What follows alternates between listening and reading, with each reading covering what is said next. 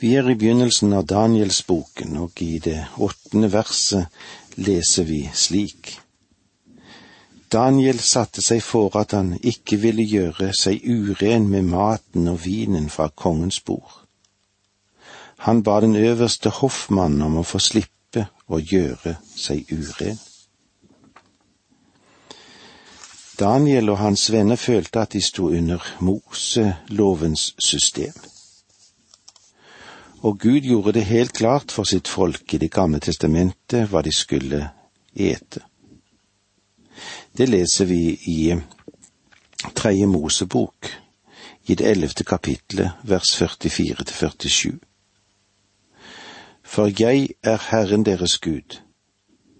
Dere skal hellige dere og være hellige, for jeg er hellig.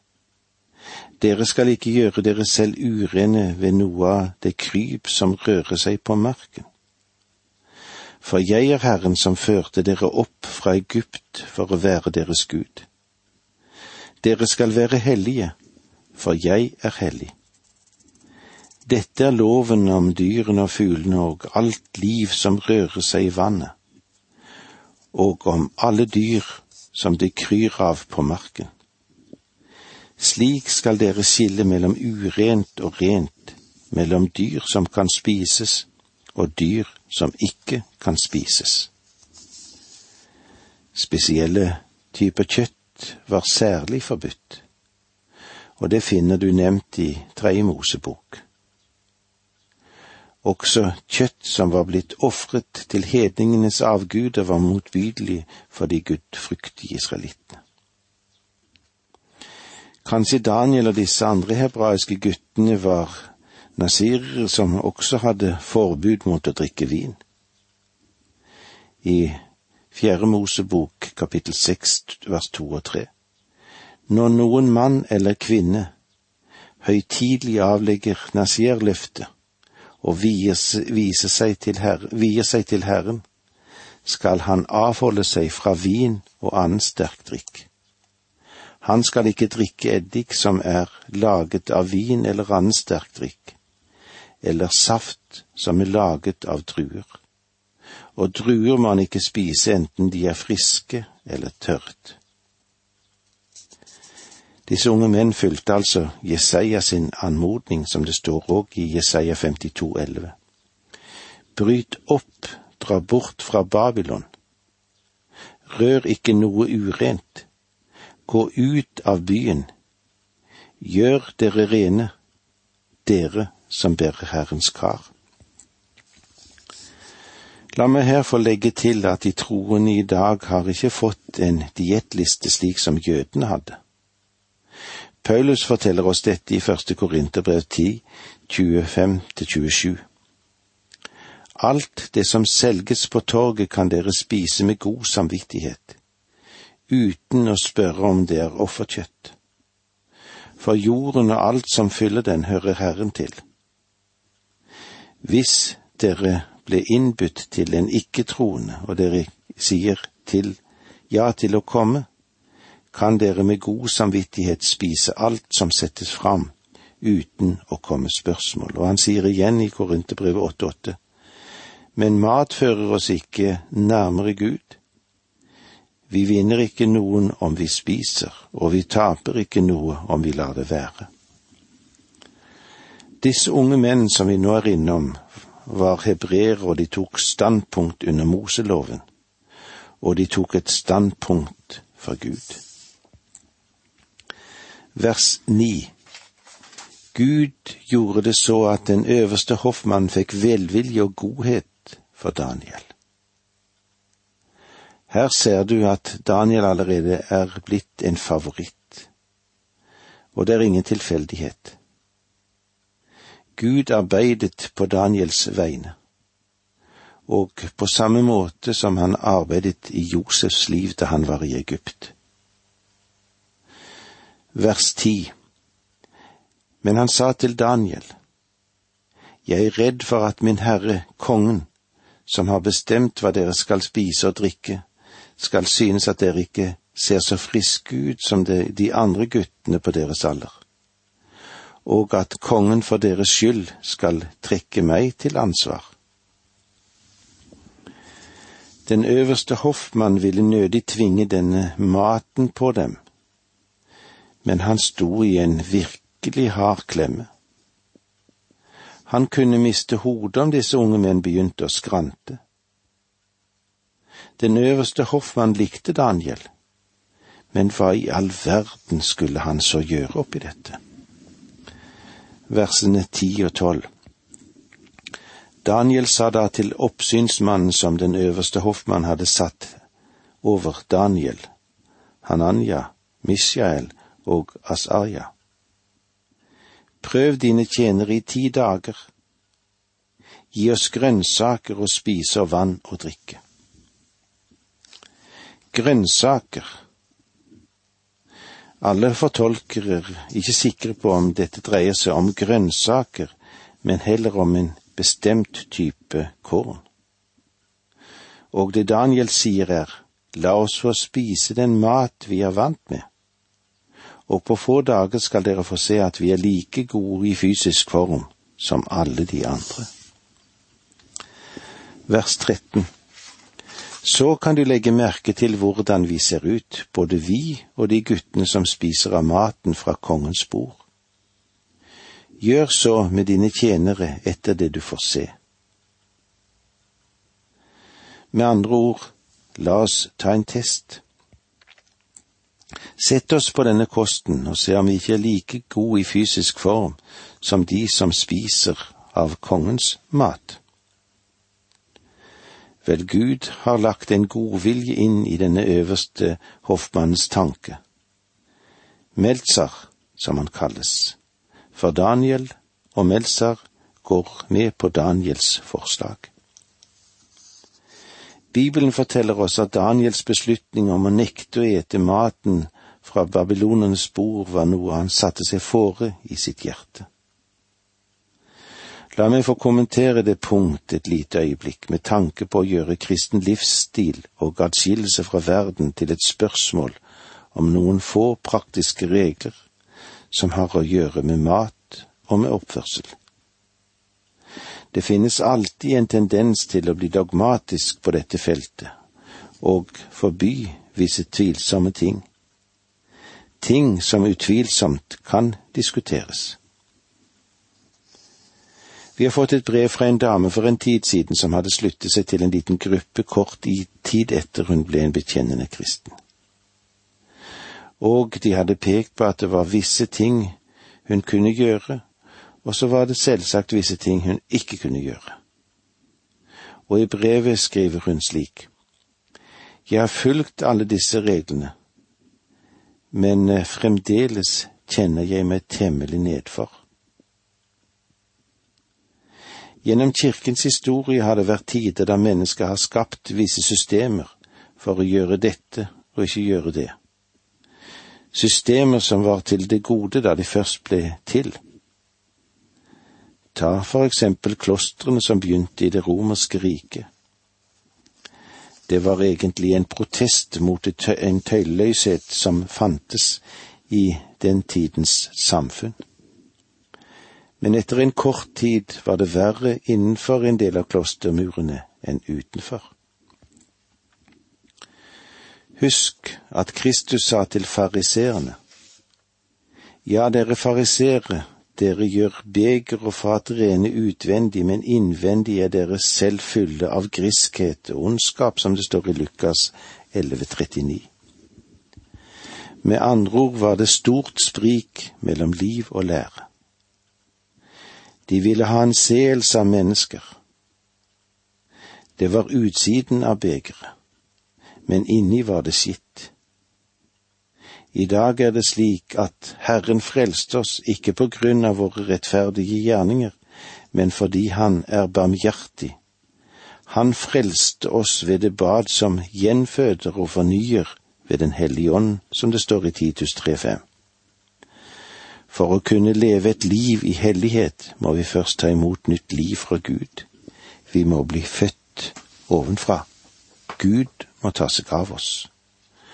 Og det var så langt vi kom i dag. Takk for nå, må Gud være med deg. Dette undervisningsprogrammet består av to deler.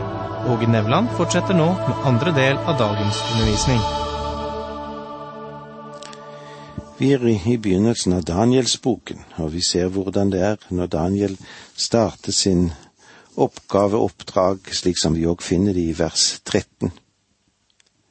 Så kan du legge merke til hvordan vi ser ut, både vi og de guttene som spiser av maten fra kongens bord. Gjør så med dine tjenere etter det du får se. Det var slik Daniel sa det. Han forsøkte å ta en test på hvordan høvesmannen ville ta seg av dette. Daniel satte seg fore. Det vi må merke oss her, er at alt begynte i Daniels hjerte. Han var ikke en pappmasje. Han hadde et hjerte. Hans overbevisning kom fra hjertet og eh, det burde være vår erfaring også i dag, det. Vi er fanger i den verden som vi lever i. Vi kan ikke hoppe av verdenskarusellen. Den Herre Jesus sa at vi er i verden, men ikke av verden. Han sa også, dere kan ikke tjene Gud og mammon, som det står i Matteus 6, 24. Men vi kan ikke tjene Gud bare ved å følge visse regler. Vi må ha en hensikt. Vi må ha en målsetting i våre hjerter. Jesus sa at det er fra hjertet livets slutninger kommer fra. Det vi fyller maven med, er ikke det viktigste. Daniel besluttet seg for i sitt hjerte at han ville lyde Guds lov, den som Gud hadde gitt til hans folk Israel. Dette skulle være hans vitnesbyrd. I vers 14 kapittel 1 leser vi slik. Han gjorde som de ønsket, og han prøvde dem i ti dager. Den øverste hoffmann nølte lenge med å gå med på Daniel sitt forslag, fordi han var oppdratt i en babylonsk kultur og trodde at dette kostholdet var mer fremsynt, og at det stimulerte tanken, og ikke bare tanken, men også kroppsfunksjonene, og at dette var bedre for alle sammen. Men denne øverste hoffmann, han likte Daniel, og så ga han dem ti dager til å prøve ut det forslaget som de var kommet med. Når vi nå går videre, så vil vi se at Nebukadneser gleder seg over Daniel og de tre vennene, og ser på utviklingen hos de. I vers 15 Da de ti dagene var gått, viste det seg at de så bedre ut og var i bedre hold enn de guttene som hadde spist av maten fra kongens bord. Daniel sitt kostforslag, det fungerte jo og det bør fortelle oss noe. Gud ønsket at hans folk Israel skulle være annerledes enn de nasjoner som omga dem, men han ga dem ikke en egen meny, og på det grunnlaget gjorde han de annerledes. Her var også en helsefaktor involvert. Og jeg tror at det ikke er dumt å følge kost oppslaget som vi finner i Tredje Mosebok. Det kan virke på vår fysiske helse, det, men noen åndelig betydning har det ikke. Vi kan spise det vi vil, vi er ikke under loven. Men jeg er klar over at dette spørsmålet om helse er viktig. Israels gudgitte menykart var avgjort en helsefaktor, og det hadde en betydning utover det å være en del av Israels seremonier. La oss lese litt videre vers 16 og 17. Da lot oppsynsmannen dem slippe den fine maten og vinen og ga dem grønnsaker. Gud ga disse fire guttene kunnskap og forstand på all slags skrift og visdom. Og Daniel skjønte seg på alle slags syner og drømmer. På samme måte som Gud velsignet Salomo, så velsignet Gud disse hebraiske ungguttene, som havnet ved et fremmed hoff. Daniel han blir senere statsminister for to verdensherredømmer.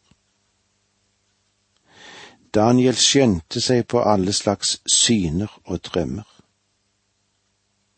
Daniel levde i en åpenbaringstid, i en tid da Gud brukte drømmer og syner.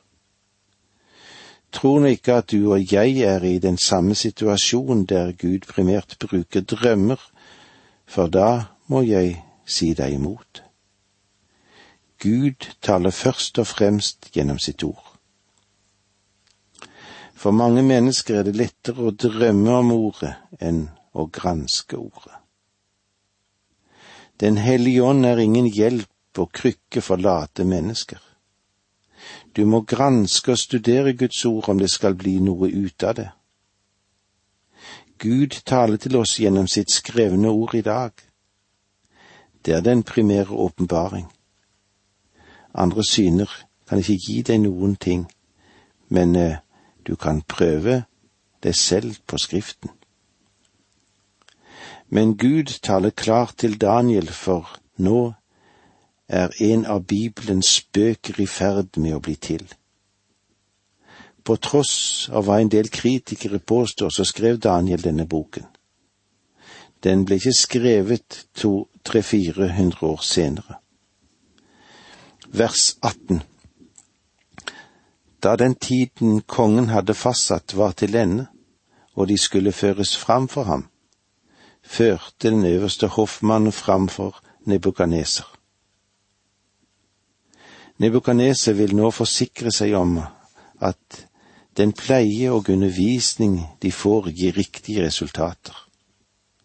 Og det virket som om Nebukadneser var en ganske klok pedagog. Han prøvde ikke å hjernevaske disse unge mennene, men han pleide dem på best måte slik at de skulle kjenne seg tiltrykket til ham, og ikke bare til ham, men òg til Babylons visdom. Han ga dem masse mat, han prøvde dem, og til sist plasserte han dem i fremskutte posisjoner. Alt dette skjedde på en vennlig måte. Dette var hans filosofi, hans måte å omgi seg med gode og innflytelsesrike ledere på vers 19. Kongen talte med dem, og eh, det fantes ingen blant de unge guttene som kunne måle seg med Daniel, Hananya, Mishael og Gasaja, og de fikk tjeneste hos kongen.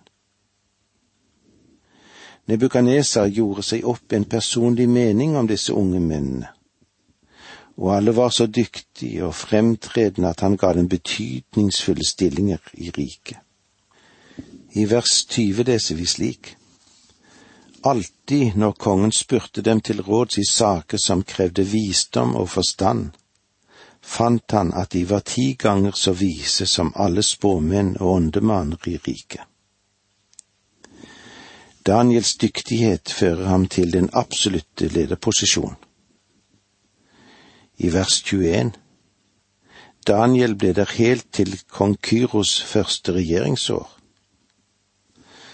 Sammenholder vi dette verset med vers 1, så har vi her Daniels hele livssyklus. Han kom til Babylon da han var omkring 17 år gammel, og han døde da han var omkring 90 år gammel. Hans liv spente seg over 70 års fangenskap. Han vendte ikke tilbake til Israel, men døde sannsynligvis før folket forlot Babylon. Det har vi ingen historiske beretninger om. Og det var det vi hadde med oss fra kapittel én.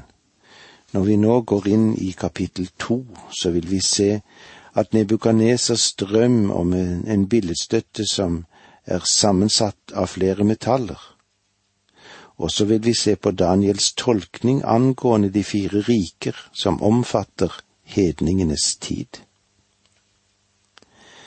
Vi befinner oss nå i et av de store avsnitt i Guds ord, hva som har med profeti å gjøre. Billedstøtten som er sammensatt av flere metaller, slik som vi ser her i kapittel to. De fire dyr som vi òg ser i kapittel syv, og de 70 ukene i kapittel ni, utgjør selve skjelettet i Bibelens profeti.